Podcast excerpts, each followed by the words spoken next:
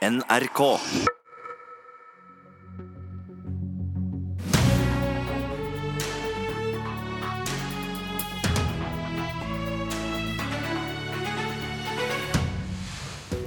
KrF vil gjøre det dyrere med brus, godteri, alkohol, røyk, bensin og diesel. Har de fått med seg at det er Frp som sitter i regjeringa? Og SSB-direktøren blir skulda for å la sitt politiske syn farge jobben hun gjør, og hva statistikk SSB gjev ut. Hun svarer i dagens Politiske kvarter. Statistisk sentralbyrå skal omorganisere. 25 forskere har fått beskjed om at de skal flyttes til statistikkavdelinga. Bl.a. mannen bak innvandrerregnskapen, Erling Holmøy. Kristine Meyer, direktør i SSB, god morgen og vel møtt til Politisk kvarter. God morgen. I gårsdagens sending i Politisk kvarter i går så ble det stilt spørsmål ved om du let dine personlige politiske meninger påvirke hva statistikk SSB gjev ut. Hva svarer du på disse skuldringene? Altså, jeg eh, kan bestemt avvise eh, at jeg legger politiske føringer på den forskningen SSB gjør, og den statistikken som SSB produserer. Jeg har aldri gjort det, og kommer heller aldri til å gjøre det i mitt virke. Mm -hmm. Det er blitt hevda bl.a. av Trine Eilertsen i Aftenposten at dette er konspiratorisk. Er du enig i det? Jeg syns det er vanskelig å, å, leve med slike beskyldninger. Eh, og eh, jeg har følt et behov eh, for å gå ut og være helt tydelig på at jeg er en profesjonell leder. Jeg ville aldri, aldri gå inn og legge eh, politiske føringer på det SSB gjør i noe som helst måte. Litt av bakgrunnen for at disse skuldringene kommer, er følgende. Den dagen du begynte jobben som SSB-direktør i 2015, så sa du at du var villig til å gå i demonstrasjonstog for å sikre fortsatt innvandring til Norge. Sa du dette som SSB-direktør, eller var dette din personlige mening? Dette var helt klart min personlige mening. Eh, og jeg er eh, en person som er kjøtt og blod. Eh, vi er jo ikke sånn vi mennesker at vi går rundt og er helt objektive og nøytrale gjennom hele dagen.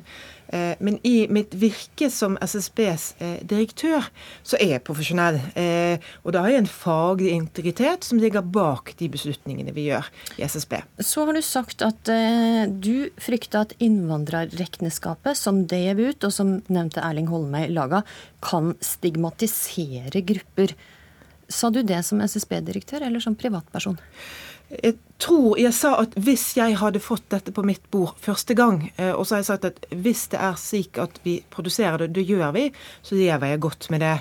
Men jeg mener når vi skal lage den type ny statistikk og den type nye, eh, ny forskning, eh, så har vi godt av å ha en diskusjon om er dette riktig, eller er det det ikke. Og det var jo en betydelig debatt også i forkant av eh, innvandringsregnskapene. Så det jeg prøvde å si, hadde vi skrudd tiden tilbake, Eh, ble det noe som jeg eh, ønsket eh, en debatt rundt det. Men det er ikke gitt av hvilken konklusjon vi da ville kommet frem til. Men du frykta, du har sagt at du frykter at det stigmatiserer grupper. Og Sa du det som SSB-direktør eller som privatperson? Jeg mener at vi alltid skal være varsomme med eh, både forskning og statistikk som potensielt kan stigmatisere eh, grupper. Eh, og at det ligger et faglig skjønn i å avgjøre det. Nå er det, det avgjort politisk, før jeg kom. Men er eh, ikke det en politisk føring da i det faglige skjønnet? Nei, jeg mener at det er et statistikkfaglig skjønn som vi hele tiden må gjøre.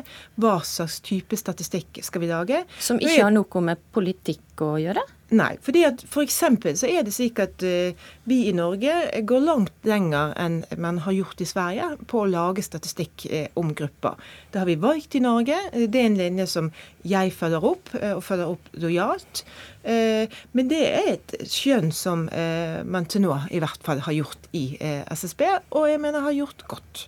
Men tenker du her at folk skal skille? Når du gir uttrykk for to meninger som den ene er privat og den andre som SSB-direktør, og disse meningene blir oppfatta litt likt. Tenker du at folk skal klare å skille på det? Eh, det er mulig at ikke folk kan klare å skille, og derfor må jo jeg nettopp ut og forklare eh, at eh, jeg er et menneske av kjøtt og blod, jeg har mine personlige meninger. Men akkurat når det gjelder innvandrerregnskap, så rører det også ved noe litt annet. Når man skal lage det, eh, hvis det, dette hadde vært første gang, eh, er det slik at man skal lage sånn statistikk, eller er det det ikke? Og da er det et faglig skjønn som avgjør det. Eh, og det var det faglige skjønnet jeg sa at jeg ville utøvd dersom dette hadde kommet på bordet mitt første gang. Mm. Altså, det gjorde det ikke, og derfor lever jeg godt med det som er nå. Mm, men altså, det er sånn at Du er personlig for innvandring. Frp mener at de har, de har nekta de ikke har klart å få ut statistikk over kriminalitet basert på landbakgrunn. En rapport om innvandring har tatt eh, lang tid å godkjenne. Du uttaler deg litt skeptisk til innvandrerregnskapet, og mannen som laga det, han får ikke lenger være i forskningsavdelinga.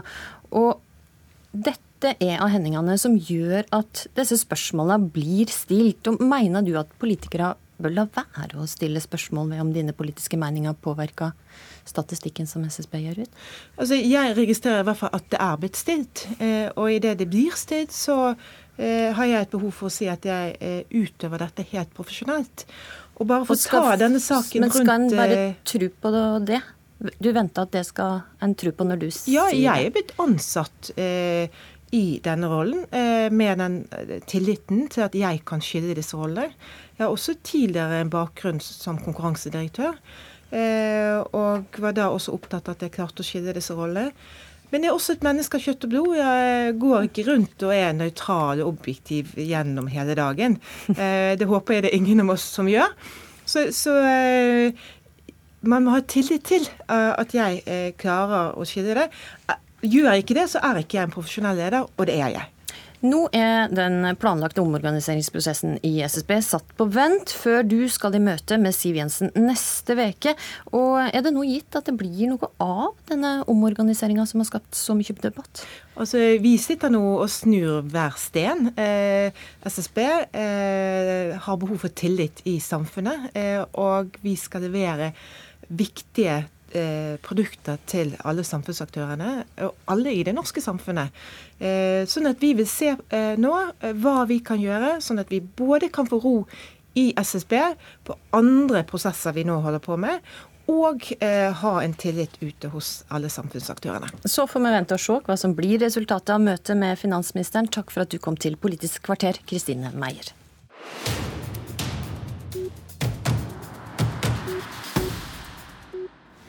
KrF legger fram sitt alternative budsjett i dag. Der ligger det forslag om å gi to milliarder ekstra til barnefamiliene i form av mer til kontantstøtte, økt barnetrygd og flere kvalifiserte barnehagelærere.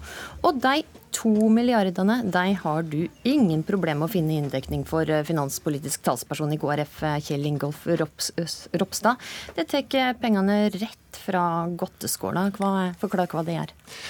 Vi gjør mange grep, men et av de viktige er jo å se på avgiftssida òg, og gjøre avgiftene, eller øke avgiftene på det som er miljøskadelig. Eh, og så har vi jo sett på folkehelseperspektivet, og da er jo, eh, syns vi det er merkelig at brus og godteri f.eks. skal ha låg moms på 15% så vi foreslår å heve den til vanlig moms på 25 Og det tar det rett og slett inn to milliarder eh, kroner på. Men uh, potetgullet, det vil du ikke røre?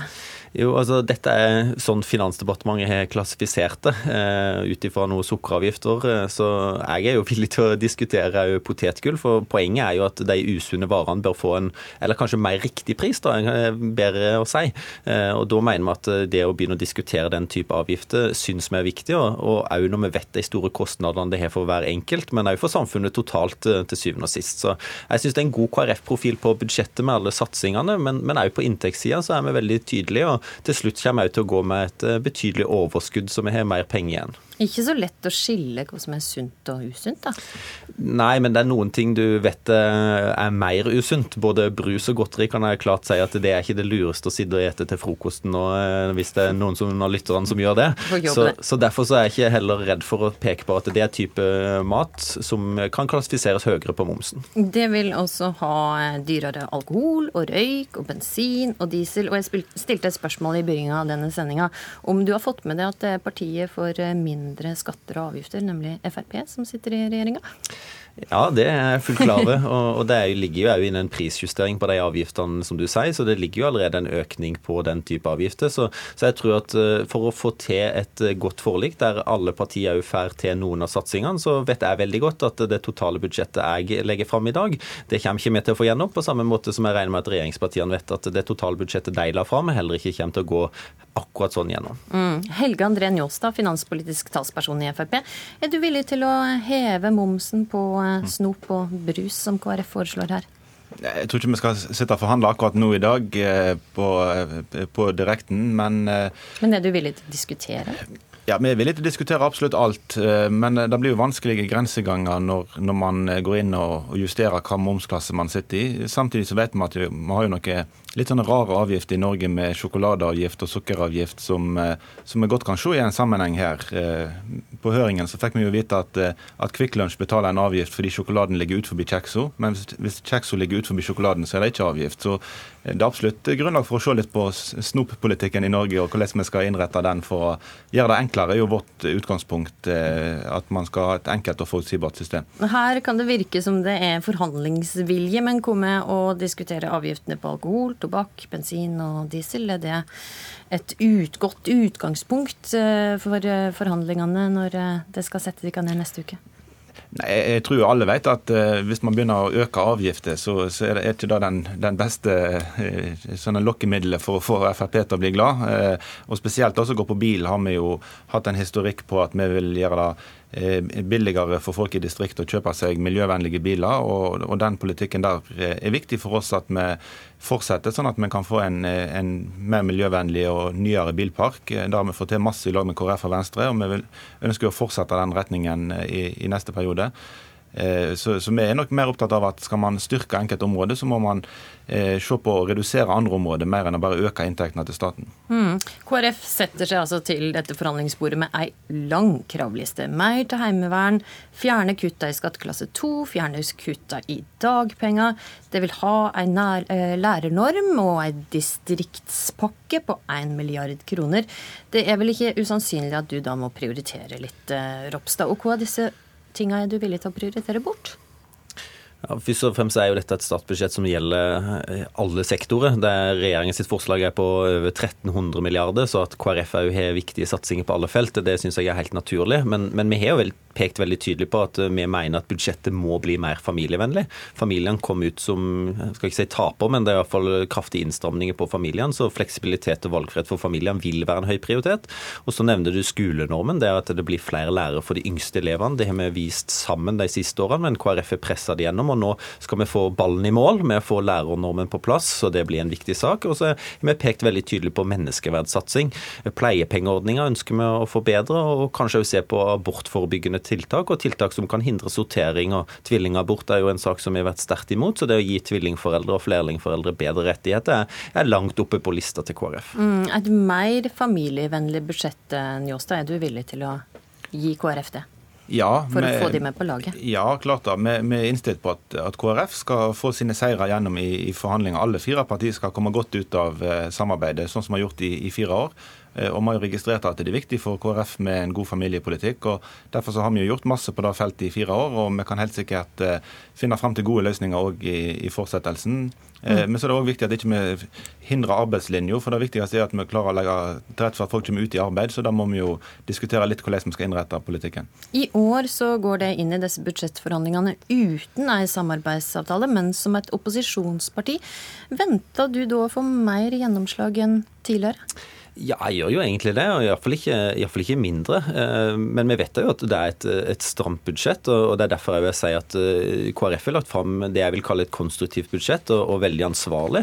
Eh, der vi har valgt å, å, å, ikke bruke alt vi får inn, så vi kommer til å gå med et betydelig overskudd i KrF sitt alternative budsjett. Så, så vi kommer til å være ansvarlige inne i forhandlingene, men har tydelige krav og forventninger om at vi òg skal ha gjennomslag. Kort til slutt, Njåstad, er du villig til å gi dem mer enn tidligere?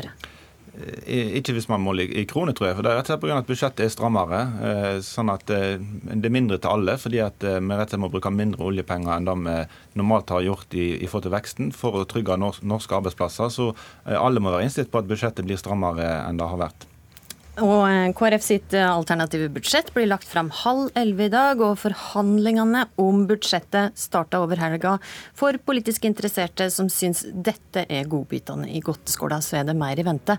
Politisk kvarter er slutt. I studio i dag, Astrid Randen. NRK.